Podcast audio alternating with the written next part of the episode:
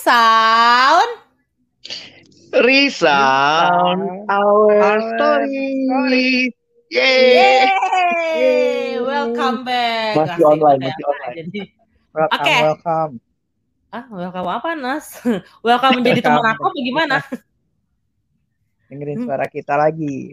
Ah, gitu. Kirain lo mau welcome untuk menjadi temen gue atau lo mau cepuin gue lagi jangan-jangan.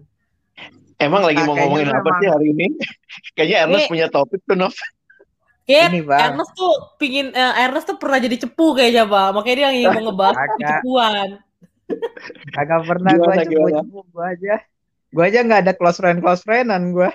Waduh, udah cepu close friend kira-kira bahas apa nih guys?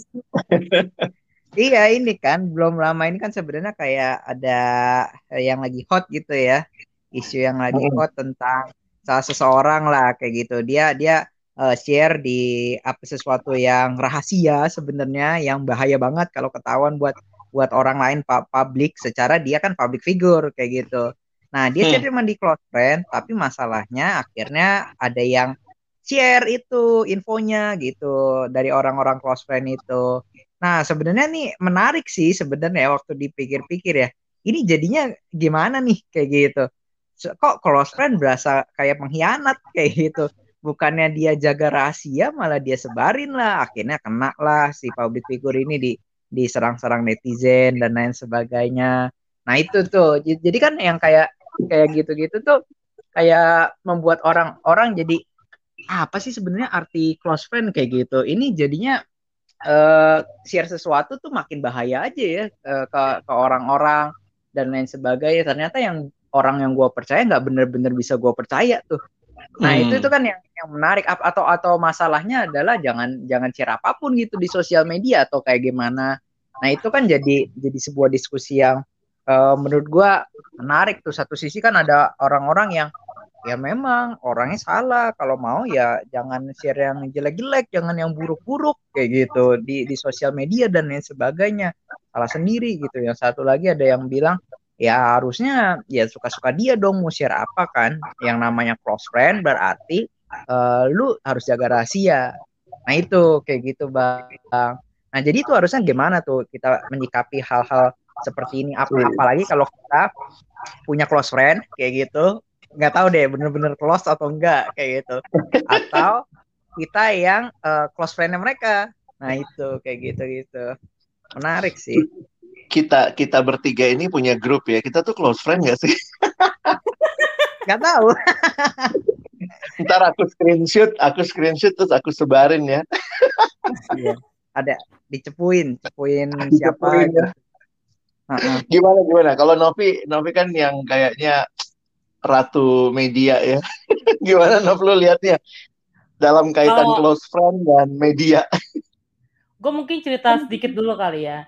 Jadi yeah, tuh yeah kalau ngomongin tentang close friend close friend gitu nih, uh, eh, gue hmm. mau misalnya gini, kan gak seru ya kalau misalnya kita membuka topik tapi nggak ada lawan lawan ini lawan opposite-nya gitu loh, bang. Maksudnya nggak ada pandangan yeah, yang, yeah, yang yeah. berbeda gitu maksud gue. Kalau Eres tadi kan ngelihat kayaknya kita harusnya punya jadi teman gimana gitu. Nah kalau gue dari sisi gue nih gue memberikan pandangan yang lagi-lagi duniawi gitu kalau teman-teman ngelihat uh, apa namanya topik-topik yang kemarin gue melihat gini loh pertama ketika lo bikin uh, apa namanya uh, close friend lo harus pikirin dulu definisi close friend itu kan berarti temen deket ya. Kayak misalnya Ernest merasa oh. gue temen deketnya Ernest. Lah kan itu kan perasaannya Ernest. Lah kalau gue nggak ngerasa temen deketnya gitu ya kan? Nah terus yang kedua gue ngelihatnya jadinya kayak ketika lo mau posting sesuatu lo harusnya kan berpikir dulu dong nih. Kayak Nanti kalau misalnya hmm. jadi mata-matain atau lo pokoknya harus sudah sudah mempersiapkan kemungkinan-kemungkinan seandainya kata ada cepu dari temen lo karena kan persahabatan sekalipun bisa rusak gitu ya nggak sih? Maksudnya bisa aja dia jadi kayak megang kartu lo atau segala macem gitu. Jadi eh, hati-hati sih dalam menggunakan sosial media. Terus yang ketiga ada juga mungkin orang yang tipe kayak gue. Dulu itu gue nggak ngerti definisi dari close friend guys. Gue berpikir bahwa oh ya udah berarti dia cuma mau uh, orang-orang ini aja nih orang-orang tertentu aja yang uh, ngeliat udah gue cuma sampai di batas begitu rupanya gue di, di sempat oh. ditegur sama temen gue karena gue masuk ke close friendnya dia terus gue iseng gue screenshot karena ada gue juga di situ di dalam foto itu kan akhirnya gue hmm. posting dong di Instagramnya gue, tapi rupanya masih ada logo close friend-nya. Nah, terus temen gue ini bilang, lu ngerti gak sih kak definisi dari close friend? Dibilang gitu, hah maksudnya gimana? Gue bilang, akhirnya dijelasin bahwa itu hanya orang-orang tertentu doang yang mau dikasih lihat dan kalau lu pun mau ngambil video atau foto gue, lu hapus dulu close friend-nya dibilang gitu.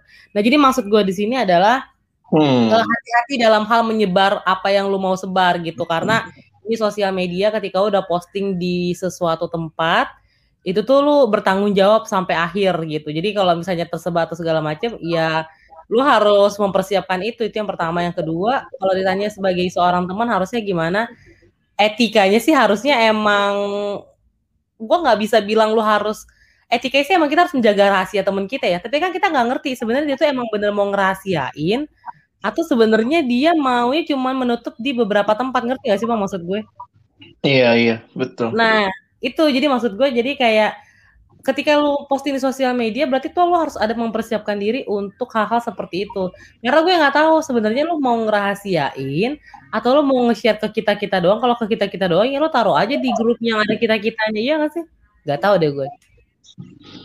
Gimana nah, bang? Itu itu itu yang gue lihat ya maksudnya uh, ya ini kan terkait dengan etika bermedia sosial tapi di sisi yang lain juga sebenarnya jadi jadi mikir yang kayak Ernest nanya di awal gitu ya.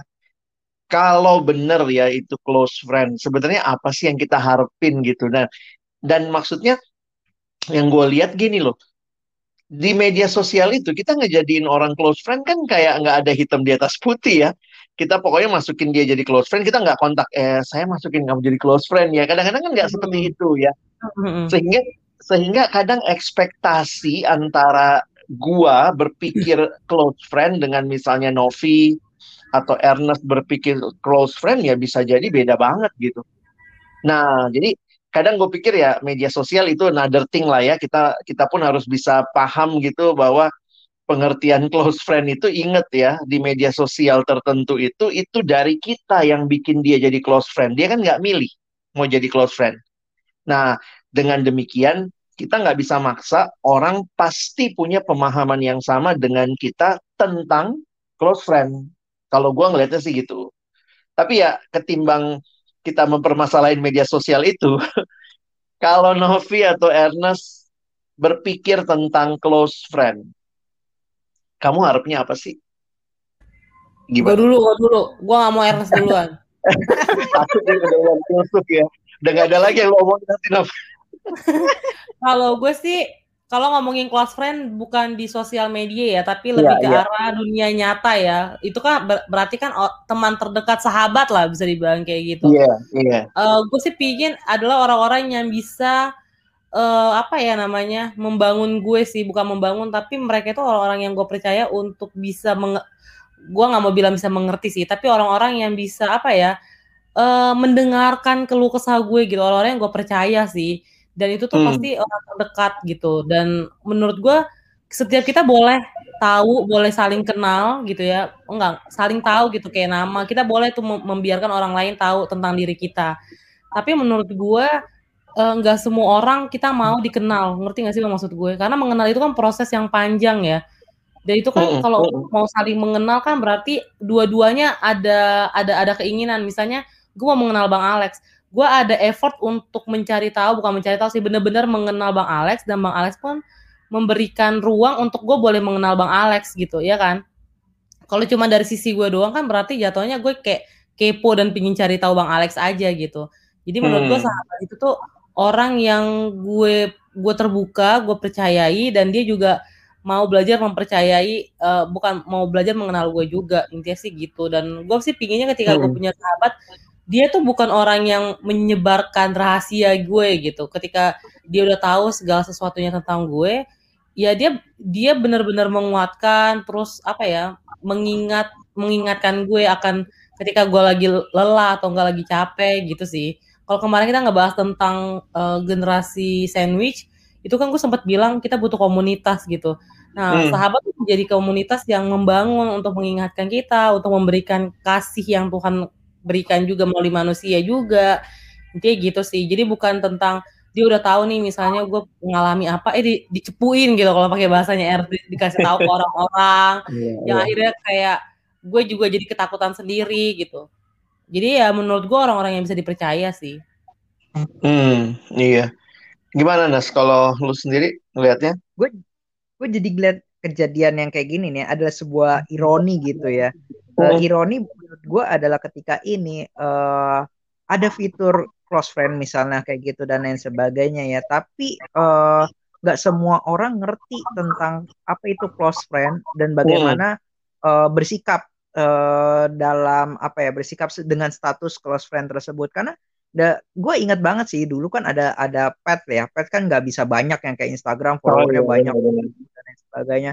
Tapi dia sedikit tuh 50 100 dan lain sebagainya nah itu kan jaga orang-orang close kayak gitu deket. Uh, untuk kita share sesuatu kita percayakan 100 orang itu misalnya atau 50 hmm. nah ini kalau kalau Instagram kayak gitu gitu atau close friend close friend lain dari sekian banyak orang yang bisa tahu info tentang gua gue percaya 50 orang. Tapi nggak masalahnya adalah nggak semua orang yang kayak Novi bilang tuh kayak gitu. Gue nggak ngerasa deket kok sama lu dan lain sebagainya. Terus gue nggak ngerti juga apa sih maksudnya close friend close friend ini kayak gitu nah gue kan gue juga ada pengalaman gitu ya.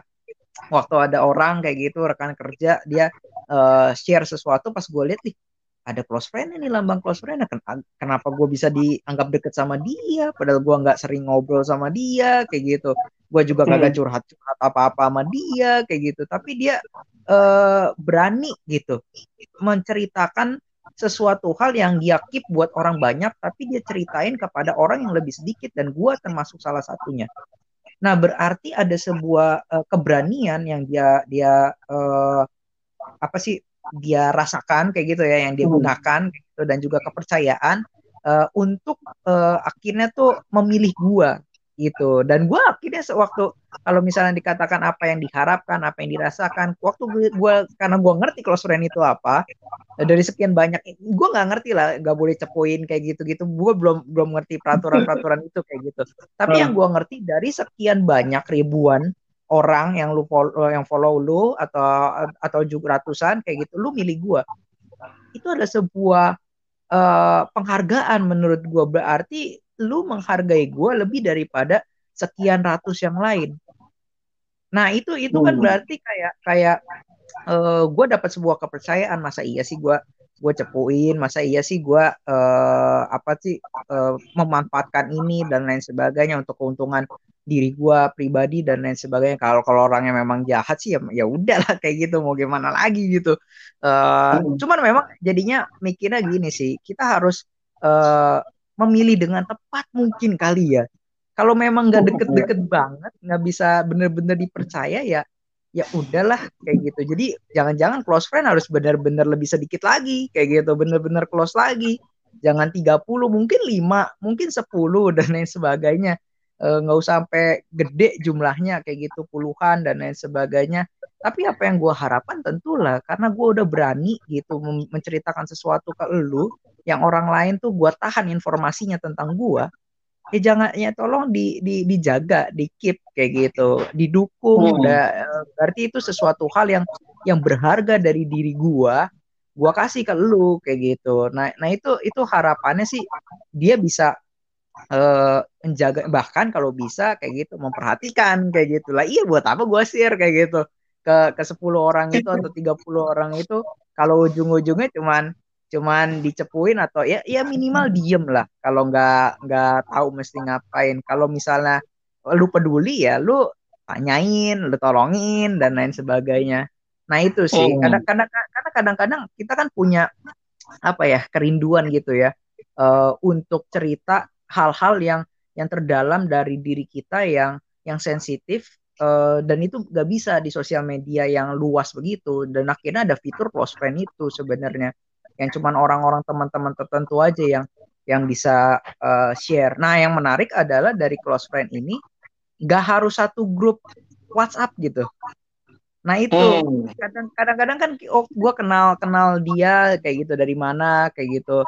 Uh, kalau cecetan pribadi uh, kita apa namanya enak gitu. Tapi masalahnya adalah dia nggak kenal teman kita yang lain yang sama-sama teman dekat hmm. juga Nah, di close friend itu dipersatukan lah kayak gitu. Gue mau share ke dia juga, gue mau share juga ke si B juga yang mereka sebenarnya kagak kenal kayak gitu. Nah, itu itu sebenarnya fitur yang menarik ya, cuman uh, salah di, di dimanfaatkan ya seperti itu. Apa apa ke depan fiturnya harus minta permission dari orang untuk dijadiin close friend ya? Kalau dia oke okay, baru tuh.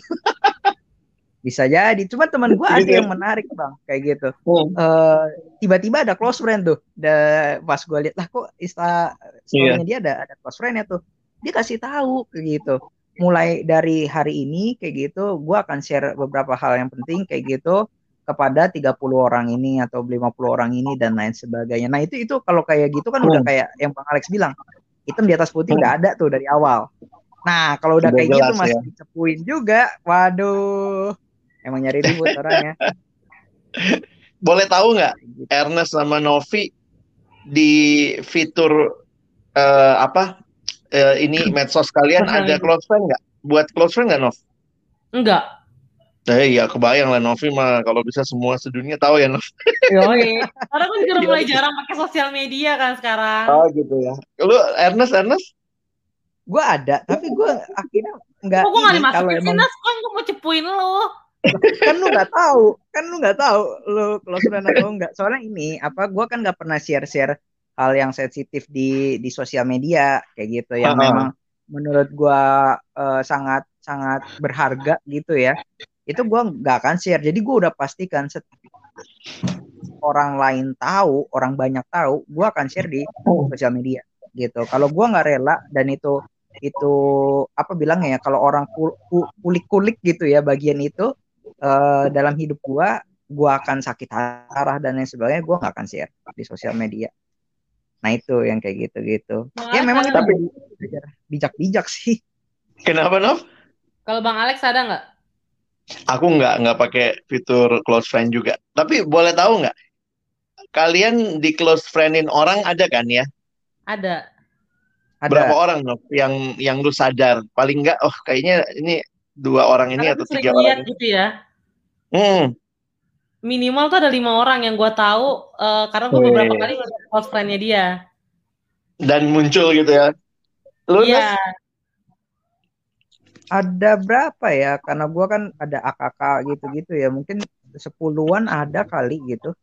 Hmm, hmm. Uh. Tapi guys, for information rupa ini ini gara-gara kita ngomonginnya Instagram ya, misalnya sosial media hmm. itu gitu ya. Tapi kalian tahu gak sih kalau di WhatsApp tuh status juga ada yang namanya close friend, tapi kita tidak benar-benar tahu. Kalau Instagram itu masih ada uh, lambang close friend-nya, tapi di WhatsApp Tulisan, tuh nggak ya? ada. Tahu nggak? Iya iya iya. Gue nggak tahu. Makanya bisa bisa gini ya kayak waktu itu dengan dengan istri dia bilang lu lihat nggak yang statusnya si ini lo kok gue nggak ngelihat gitu ternyata gue nggak dimasukin close friendnya kali hmm. Karena kalau di WhatsApp itu ada yang namanya only only share ya kalau nggak salah only share with ya, siapa. Jadi kita gitu. bisa milih, kita bisa milih mau share ke siapa aja gitu. Hmm, betul. Hmm. Dan itu nggak ada lambang sama sekali yang kita nggak tahu. Betul.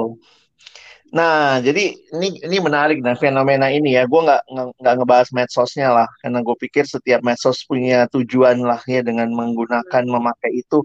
Tapi yang menarik itu uh, kita nampaknya butuh sahabat dan itu terwakilkan dengan berbagai medsos yang juga ya pertama kan untuk bersahabat lalu kemudian kita mau share hal-hal yang lebih sensitif, lebih pribadi ke sahabat kita yang lebih sedikit. Jadi memang longing untuk ini ya, keinginan untuk punya orang yang mendengar, orang yang mungkin tadi ya, kalau gue share dia nggak akan menghakimi, dia nggak akan uh, buru-buru ngejudge, dia pun mungkin bisa ngeliat, memberi reaction, dan ya gue nggak bisa buka sama semua orang. Nah, gue ngelihat itu ya, itu ternyata keinginan itu ada dan dalam sekali dan justru media sosial media sosial ini menangkap itu gitu. Kadang-kadang kita di di hidup sehari-hari atau bahkan di pelayanan tuh kayak lupa bahwa itu bagian penting sampai medsos aja ngangkat gitu ya. Nah, tapi di sisi lain yang gue lihat memang masalahnya adalah seolah-olah karena kontrolnya ada di saya, saya bisa menjadikan siapa saja yang saya mau close friend, lalu kemudian saya bisa membuat siapa saja yang saya mau bisa lihat status saya. jadi nggak nggak nggak mutual gitu. Jadi hanya saya menganggap. Nah, jadi ada ekspektasi di situ. Nah, balik lagi sih kalau menurut gua ya, setelah belajar beberapa hal tentang persahabatan, memang ya lebih baik lebih sedikit dan sedikit itu pun orang yang kayaknya kita bisa dengan dalam begitu. Ketimbang di media sosial kita nganggap dia close friend, dia emangnya nganggap kita close friend. Nah, itu belum tentu. Nah, jadi kalau gue coba memperhatikan, uh, ya memang akhirnya sih kita akan bicara, ya siapa sih sahabat yang selalu ada buat kita, yang akan mendampingi, nggak akan menghakimi kita, dia yang setia waktu semua ninggalin kita ya, kita bersyukur di dalam kekristenan Tuhan memperkenalkan dirinya sebagai sahabat dan mungkin dibandingkan yang lain uh, apa ya pemahaman yang lain mungkin uh, tidak masuk sedalam itu gitu. Nah, gue berpikir justru di sinilah kita yang mungkin sudah menikmati persahabatan yang kekal, yang setara, yang indah ini, yuk kita jadi sahabat buat dunia yang sedang longing itu pengen banget punya sahabat yang bisa mendengar, bisa berbagi. Kalau gue sih ya itu itu kayak perenungan waktu kita lagi mikirin topik ini sih. Gimana teman-teman? Ada satu dua closing statement atau menanggapi silakan. Mungkin closing statement kali ya. Kalau dari gue sih akhirnya gue ngelihat uh, jangan lupa kalau kita tuh pingin punya teman, berat, pingin punya sahabat, jangan lupa juga untuk jadi sahabat. Itu kan itu kan moto hmm. kita banget ya dari dulu ya. Maksudnya kayak Friends dulu awal-awal, iya dulu awal-awal Bang juga suka ingetin tentang ketika kita pingin punya sahabat kita nyari sahabat tuh kita nggak pernah dapet gitu itu itu itu waktu gue kehilangan sahabat ceritanya nah terus oh. tapi ketika gue gue belajar untuk menjadi sahabat rupanya gue bisa punya sahabat gitu jadi hmm. Ya ngomongin tentang dunia lagi merasa kesepian untuk mendapatkan seorang sahabat dan kita kita yang udah merasakan persahabatan baik sesama manusia gitu ya dan persahabatan hmm. kita dengan Tuhan seharusnya kita belajar untuk menjadi sahabat juga sih buat orang lain.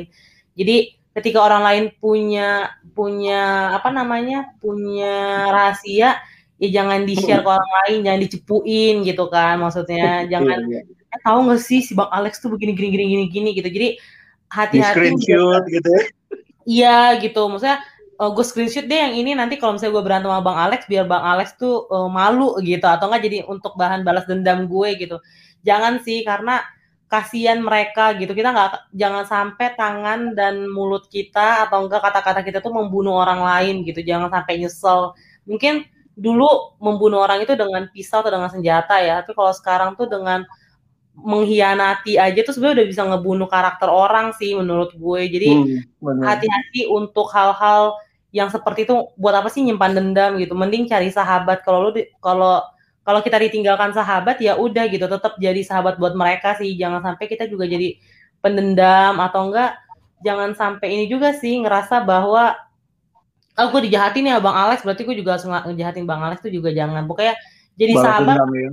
Uh -uh, kalau lo maunya sahabat yang seperti apa sih yang lo dapetin nah perlakukan orang lain juga seperti itu kalau mereka tidak melakukan hmm. hal yang sama ya sudah gitu ya berarti hmm. mereka uh, tidak bisa memberikan dan jangan terlalu berekspektasi tinggi sama manusia intinya gitu karena lagi-lagi sahabat sejati kita adalah Kristus. Manusia ini menjadi sahabat itu tuh apa ya? Representasi ya, repre gimana sih Bang ngomongnya? Representatif. Iya, itu maksud gue bahwa Tuhan menyediakan sahabat juga yang kita bisa lihat karena kan Tuhan kan nggak bisa kita lihat kan. Jadi hmm. jangan jangan memaksa kehendak kita lah untuk jadi apa memaksakan misalnya Bang Alex tuh harus begini-gini. Tapi pokoknya intinya hmm. kita jadi sahabat yang baik sih menurut gue jangan maksain orang lain intinya gitu sih kalau lo nggak mau dicepuin ya jangan lakukan pokoknya jangan jadiin masalah orang itu tuh sebagai bahan buat kita omongin lagi keluar tuh jahat sih menurut gue buat nambah follower katanya Nov sedih eh, banget ya.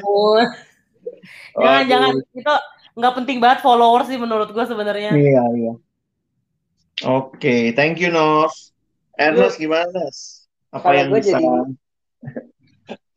Iya, gue gue jadi ini sih ya apa uh, setuju sih dengan apa yang dikatakan Bang Alex tuh. Uh, memang kerinduan untuk memiliki eh, orang-orang atau komunitas yang intim dengan kita itu undeniable kayak gitu itu ada di dalam hati dan itu nggak bisa didinai uh, disangkal oleh diri kita sendiri. Nah, memang uh, kayak yang tadi Bang Alex bilang persahabatan yang baik itu yang seperti Yesus Kristus saling berkorban dan lain sebagainya. Dari mana mulai saling berkorbannya ya ya simpelnya ya dari jaga rahasia dan lain sebagainya. Tapi gue jadi mikir sih kayak gini, hmm. uh, itu bukan masalah soal apakah kita close friend atau bukan close friend kayak gitu. Tapi pertanyaannya apakah kita benar-benar sahabat yang baik bagi orang lain? Apakah kita yeah. benar-benar close friend buat semua orang gitu? Dalam artian uh, kita uh, apa tuh namanya soal close friend ini kan sebenarnya soal kepercayaan kan?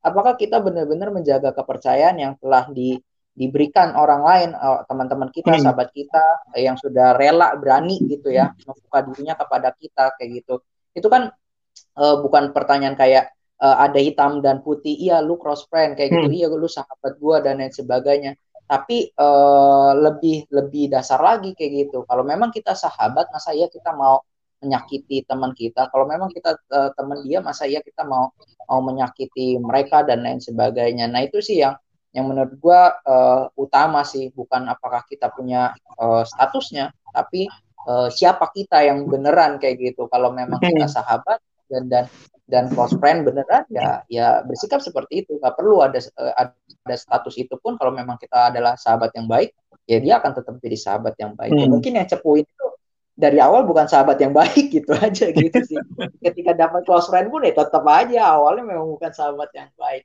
Nah itu sih, jadi belajarlah diingatkan ada nih Kristus untuk saling berkorban, gitu bang. Thank you Nas. Jadi teman-teman uh, podcast kita ini juga kan salah satu upaya ya menjadi sahabat bagi teman-teman sekalian gitu ya, menyuarakan, membahas dan juga mungkin memberi pandangan untuk kita juga bisa belajar jadi sahabat ya. Satu sama lain yang tadi ya percaya yang komunikasi dengan baik, bisa ya namanya sahabat ya mungkin ada proses juga ya bisa awali dengan dari kita nggak tahu apa yang dia suka sampai akhirnya kita tahu oh ini yang dia suka ini yang dia nggak suka. Jadi kadang-kadang berpikir juga ya kalau gue inget waktu mau mulai persahabatan awal-awal gitu dengan beberapa teman iya ya ih buat gue ini bercanda loh buat dia tuh serius gitu. Tapi akhirnya jadi sadar gitu kalau bercanda dua-duanya harusnya ketawa dong gitu ya. Kalau yang satu nggak ketawa ya udah berarti mungkin dia tidak punya pemahaman yang sama dan gue nggak mesti maksain dia jadi seperti yang gue mau tapi gue juga jadi belajar. Mungkin dia juga akan berubah jadi bisa sedikit lebih rileks lebih fleksibel. Tapi gue juga mesti menghargai dan bisa lihat ya apa yang sebenarnya menjadi prinsip dan pemahaman dia. Jadi thank you teman-teman. Ini jadi panjang juga ya padahal gue pikir simple aja gitu ya bicara soal media sosial close friend. Tapi kita rindu ini jadi kesempatan untuk kita boleh saling berbagi dan saling nguatin. Thank you. Nanti kalau ada masukan, ada usulan topik yang mau dibahas, silakan boleh kontak kita. Kita ada IG. Di mana IG-nya, Nas? Di friendzone.id tenang aja, kita nggak akan cepuin karena kita nggak ada full close friend di situ. Nanti paling di screenshot Novi di repost ya. Oh iya. Iya deh, dan ini jadi kesempatan yang baik untuk kita juga boleh saling berbagi. Thank you teman-teman, nantikan episode berikutnya. Sampai ketemu, bye. Bye. bye.